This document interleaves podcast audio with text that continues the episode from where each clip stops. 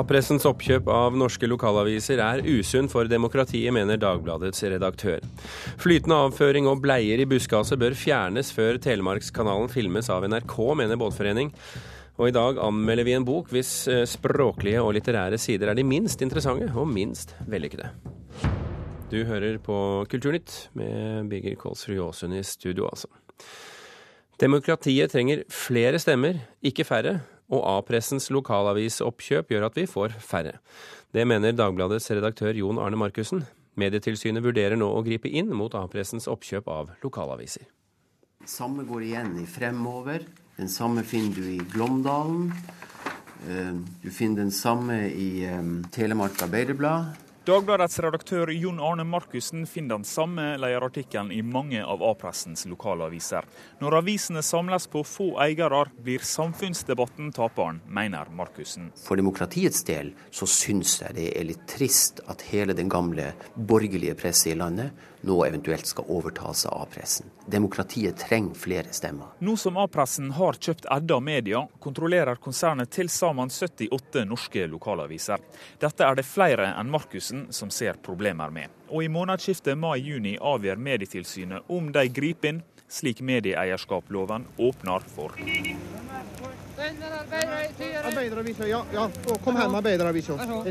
Tidligere var det ofte slik at ei arbeideravis og ei borgerlig avis sto steilt mot hverandre i lokale debatter. Står det noe om eh, boksestevnet i Torghallen i går? Ja, så et referat fra boksestevnet og eh, fra bystyremøtet. Denne tradisjonen har ledet til den medieeierskapslovgivninga vi har i dag. For å unngå at fabrikkeieren, fagforeninga eller hvem det nå måtte være, skulle få kontroll over samfunnsdebatten, kan Medietilsynet sette foten ned og hindre at noen eier mer enn 60% av avisopplaget i en region. Finn de personene som mener at det er riktig å regulere et framtidig mediemarked på bakgrunn av papiropplag.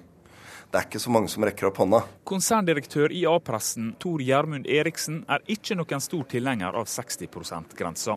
Nå er han spent på om Medietilsynet vil bruke henne til å stikke kjepper i hjula for Edda-kjøpet. Et kjøp som vil gi A-pressen kontroll på godt over 60% av avisopplaget på deler av Østlandet. Hvis vi skal ha en relevant lovgivning som både ivaretar lovens formål, men også gir norske medier mulighet til å utvikle seg og konkurrere med utenlandske, Google, Facebook for eksempel, så må vi ha en, en lovgivning som, som ikke begrenser den muligheten. Nå kan Eriksen få det som han vil, og loven kan bli endra. For om kort tid legger Kulturdepartementet fram rapporten til ei ekspertgruppe som i ett år har vurdert om medieeierskapsloven faktisk fremmer ytringsfridommen og medietilbudet slik den er meint å gjøre.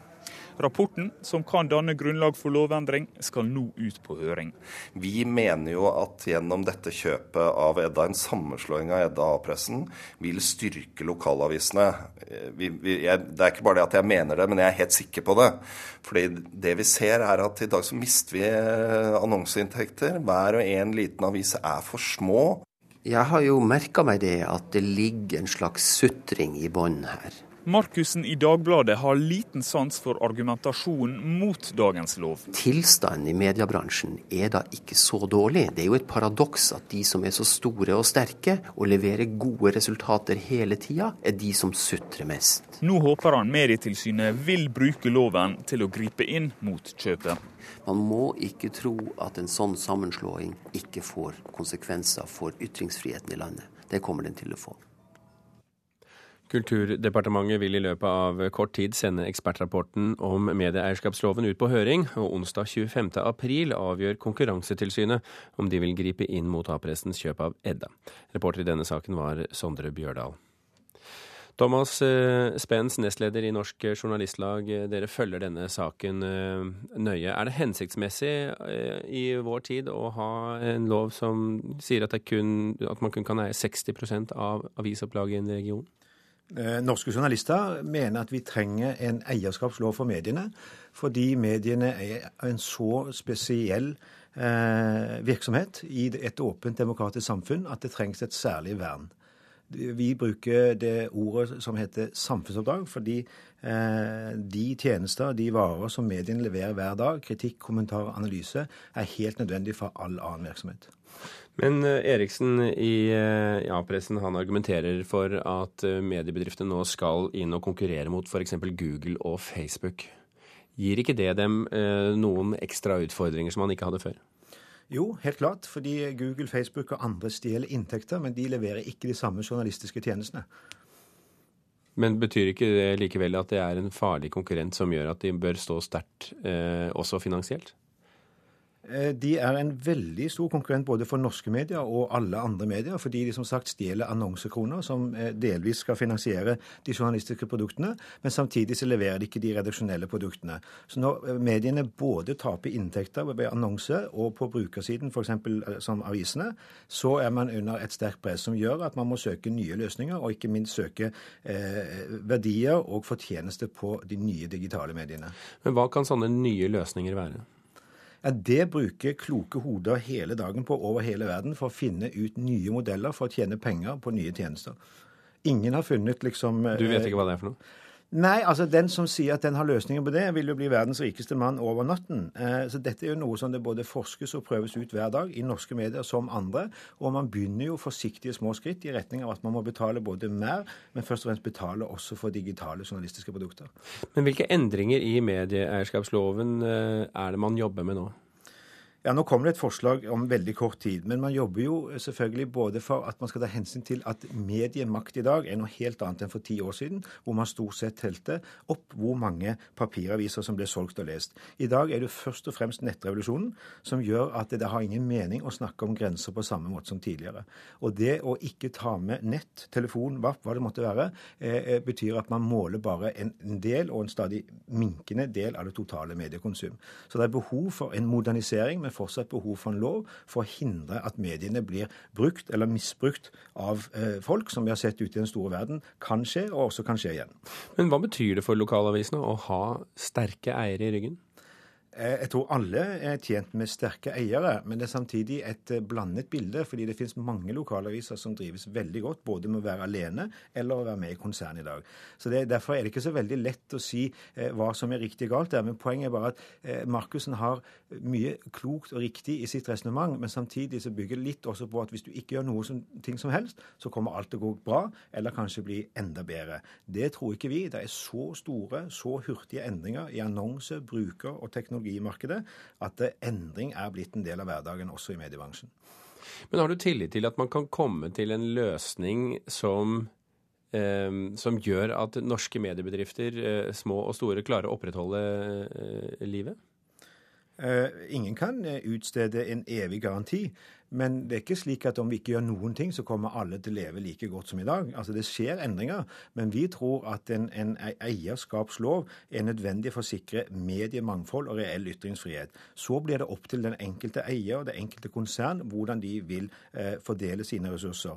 Men jeg tror det er veldig viktig å si at det blir ikke mer mediemangfold ved å legge ned bedrifter. Så Vi er veldig opptatt av at A-pressen skal få lov til å kjøpe Edda. Så må det ligge i bunn at det skal sikre de aviser som eventuelt må skilles ut for at de skal oppfylle lovens krav, at de sikres en reell overlevelsesevne. Thomas Spens, nestleder i Norsk Journalistlag, takk for at du kom til Kulturnytt.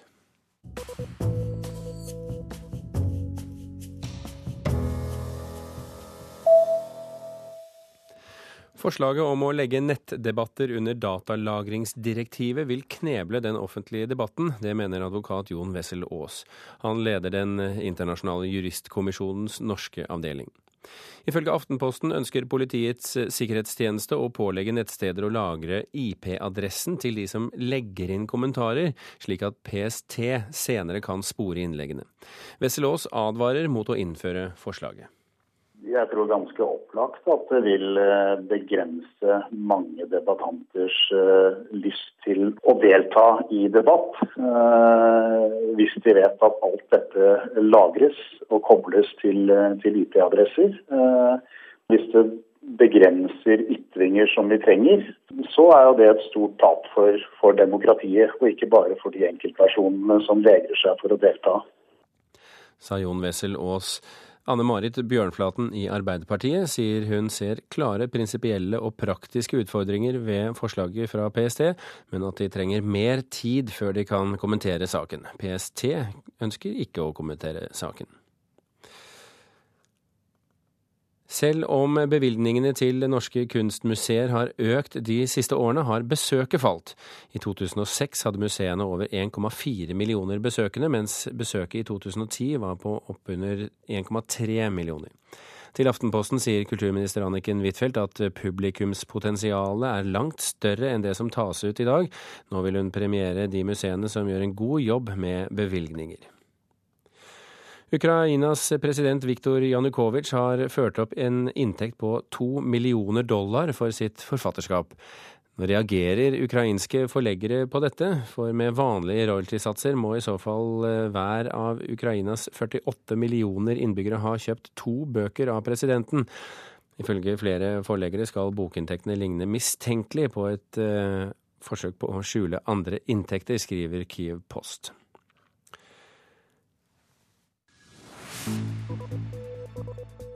Klokken eh, er 16 minutter over åtte. Du hører på Kulturnytt, og dette er eh, toppsakene i NRKs nyhetsbilde nå.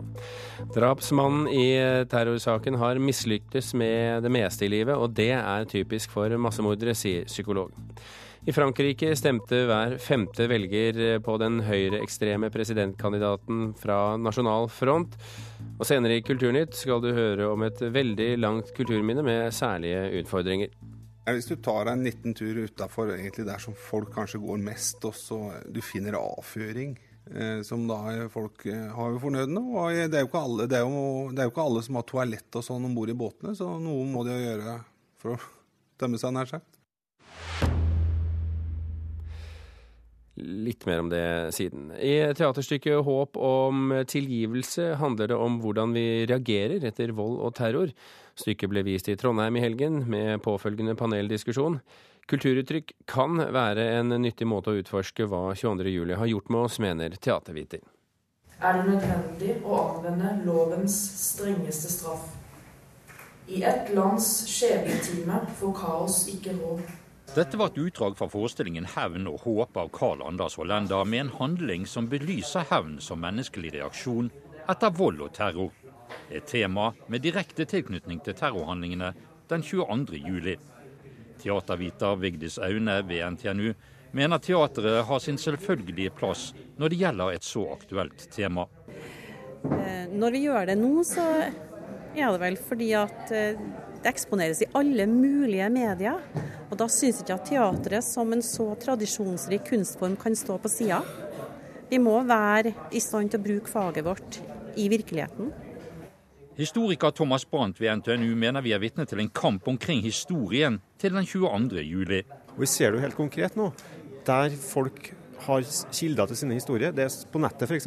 På, på Wikipedia så foregår det nå en stor kampanje eh, om å få folk til å engasjere seg, fordi at det kommer angrep på fra ytterliggående høyrekrefter som ønsker å, å, å, pynte på historien. Det er et sånn konkret eksempel.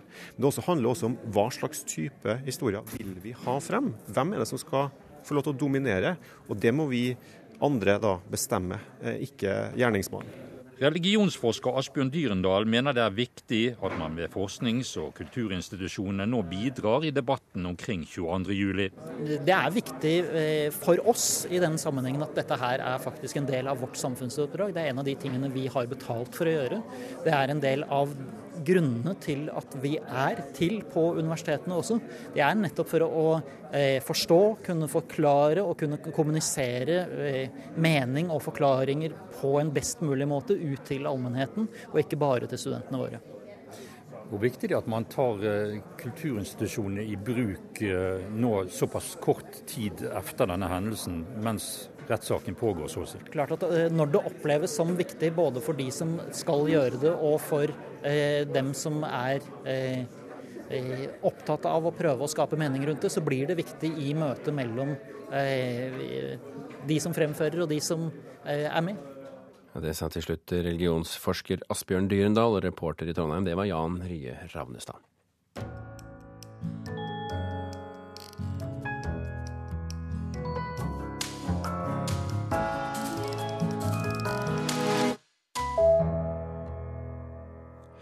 Nå til en bok hvis språklige og litterære kvaliteter slett ikke er de mest vellykkede, men som likevel er en medrivende beretning. Leif Ekle, vår anmelder, har lest scenografen, tegneren og maleren Edvard Kotsjergins bok med Stalin som gudfar, opptegnelser fra knærne. NKVD, mest kjent som Stalin-tidas hemmelige politi, ble opprettet i 1934. Edvard Kotsjergin ble født i 1937. Tre år senere var faren allerede plassert i det store huset, et av de beryktede korsformede fengslene. Så ble moren tatt. Hun var av polsk herkomst og ifølge myndighetene spion. Guttungen, tre år gammel, ble sendt til Sibir. Til et av barnehjemmene NKVD brukte til oppbevaring og korrigering av folkefienders avkom. Og Matka Bronia, ta meg med. Jeg vil også være spion. Det første bevisste minnet jeg har fra mitt liv, er forbundet med taket. Kanskje jeg var ofte syk, eller det var noe annet. Jeg ble født av skrekk. Min far Stepan ble arrestert på grunn av kybernetikk, og mor presset meg ut to måneder for tidlig. I 1945 er krigen slutt. Guttungen Edvard, åtte år gammel, bestemmer seg for å rømme. Han vil til Leningrad igjen, der han håper at moren, mamma, Matka Bronja, er løslatt og kan ta imot sønnen sin igjen. Gutten klarer å komme av gårde. Avstanden fra byen Omsk i Sibir til Leningrad er enorm. Han bruker seks år. Iblant overvintrer han i andre NKVD-barnehjem langs ruta, for så å rømme igjen når våren kommer og været er til å holde ut. Fortellerens ståsted i Med Stalin som gudfar er den aldrende mannens og hans minner om den hasardiøse ferden. Han forteller både nøkternt og saklig, og lar begivenhetene og de utallige menneskene gutten møter, tale for seg. Guttens møter med utallige mennesker gir fortellingen spenn.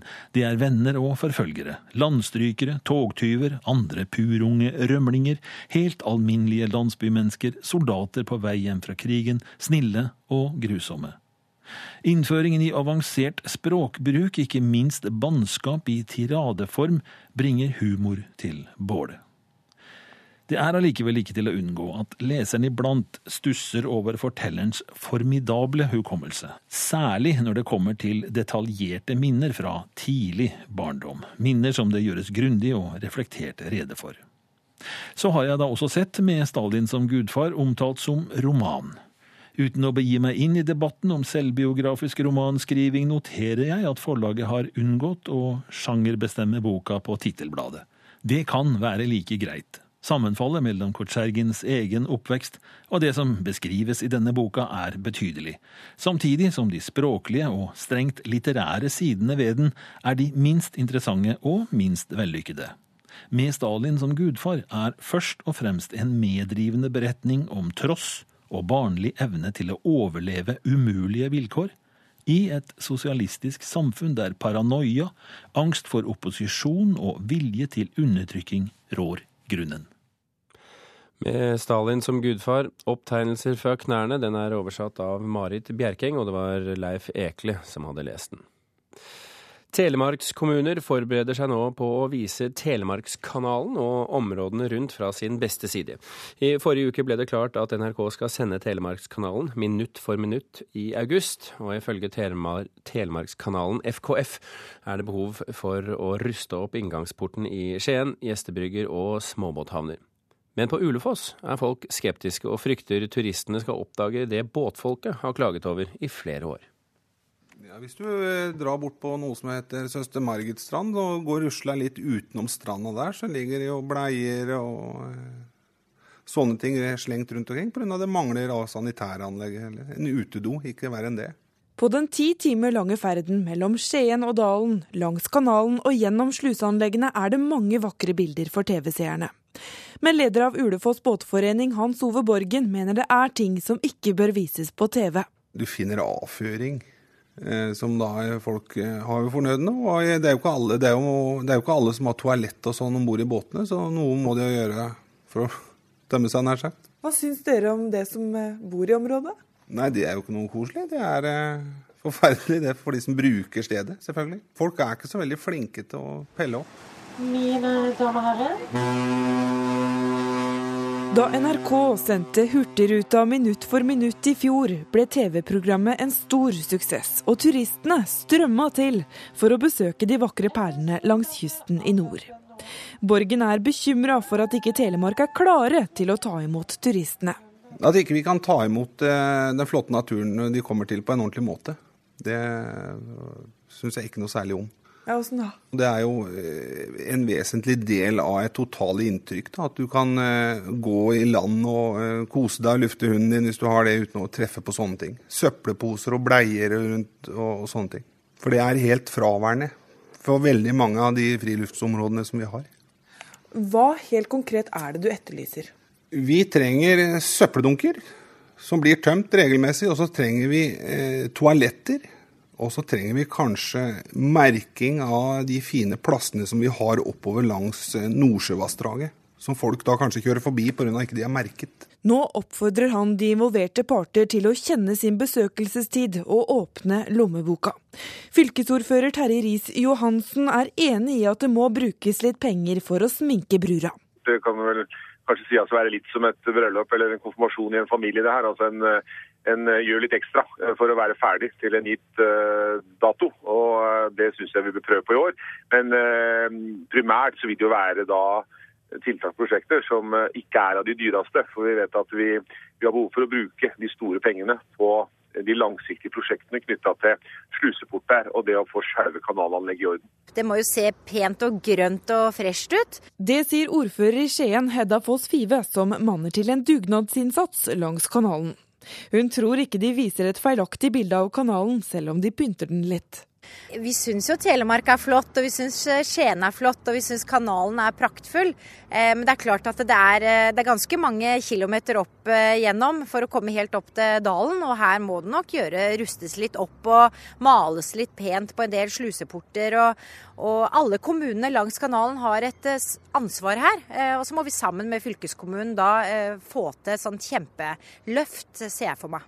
Men også lett sminke koster penger, som Telemarkskanalen ikke har, siden selskapet har et underskudd på rundt to millioner kroner.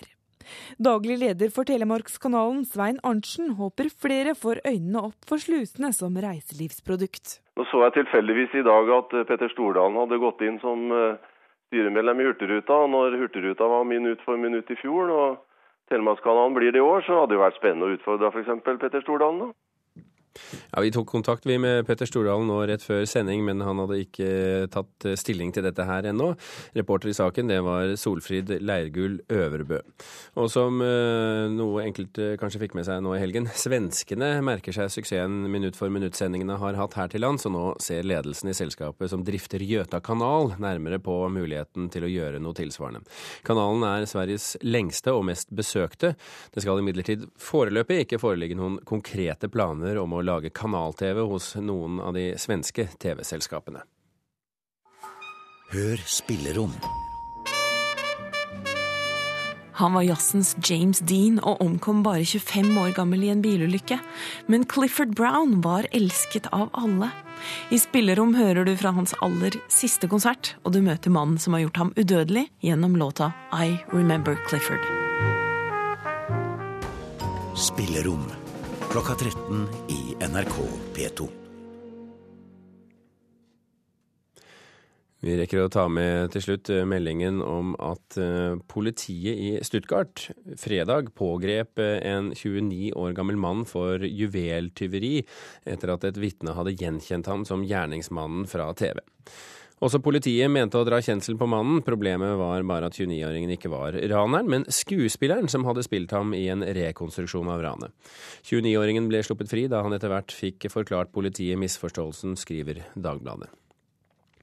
Kulturnytt eh, runder nå av. I dag har vi fortalt at eh, Dagbladets redaktør mener A-pressens oppkjøp av norske lokalaviser er usunn for demokratiet, og at norske journalister mener det er på tide med ny medieeierskapslov som svarer til utfordringene fra internett.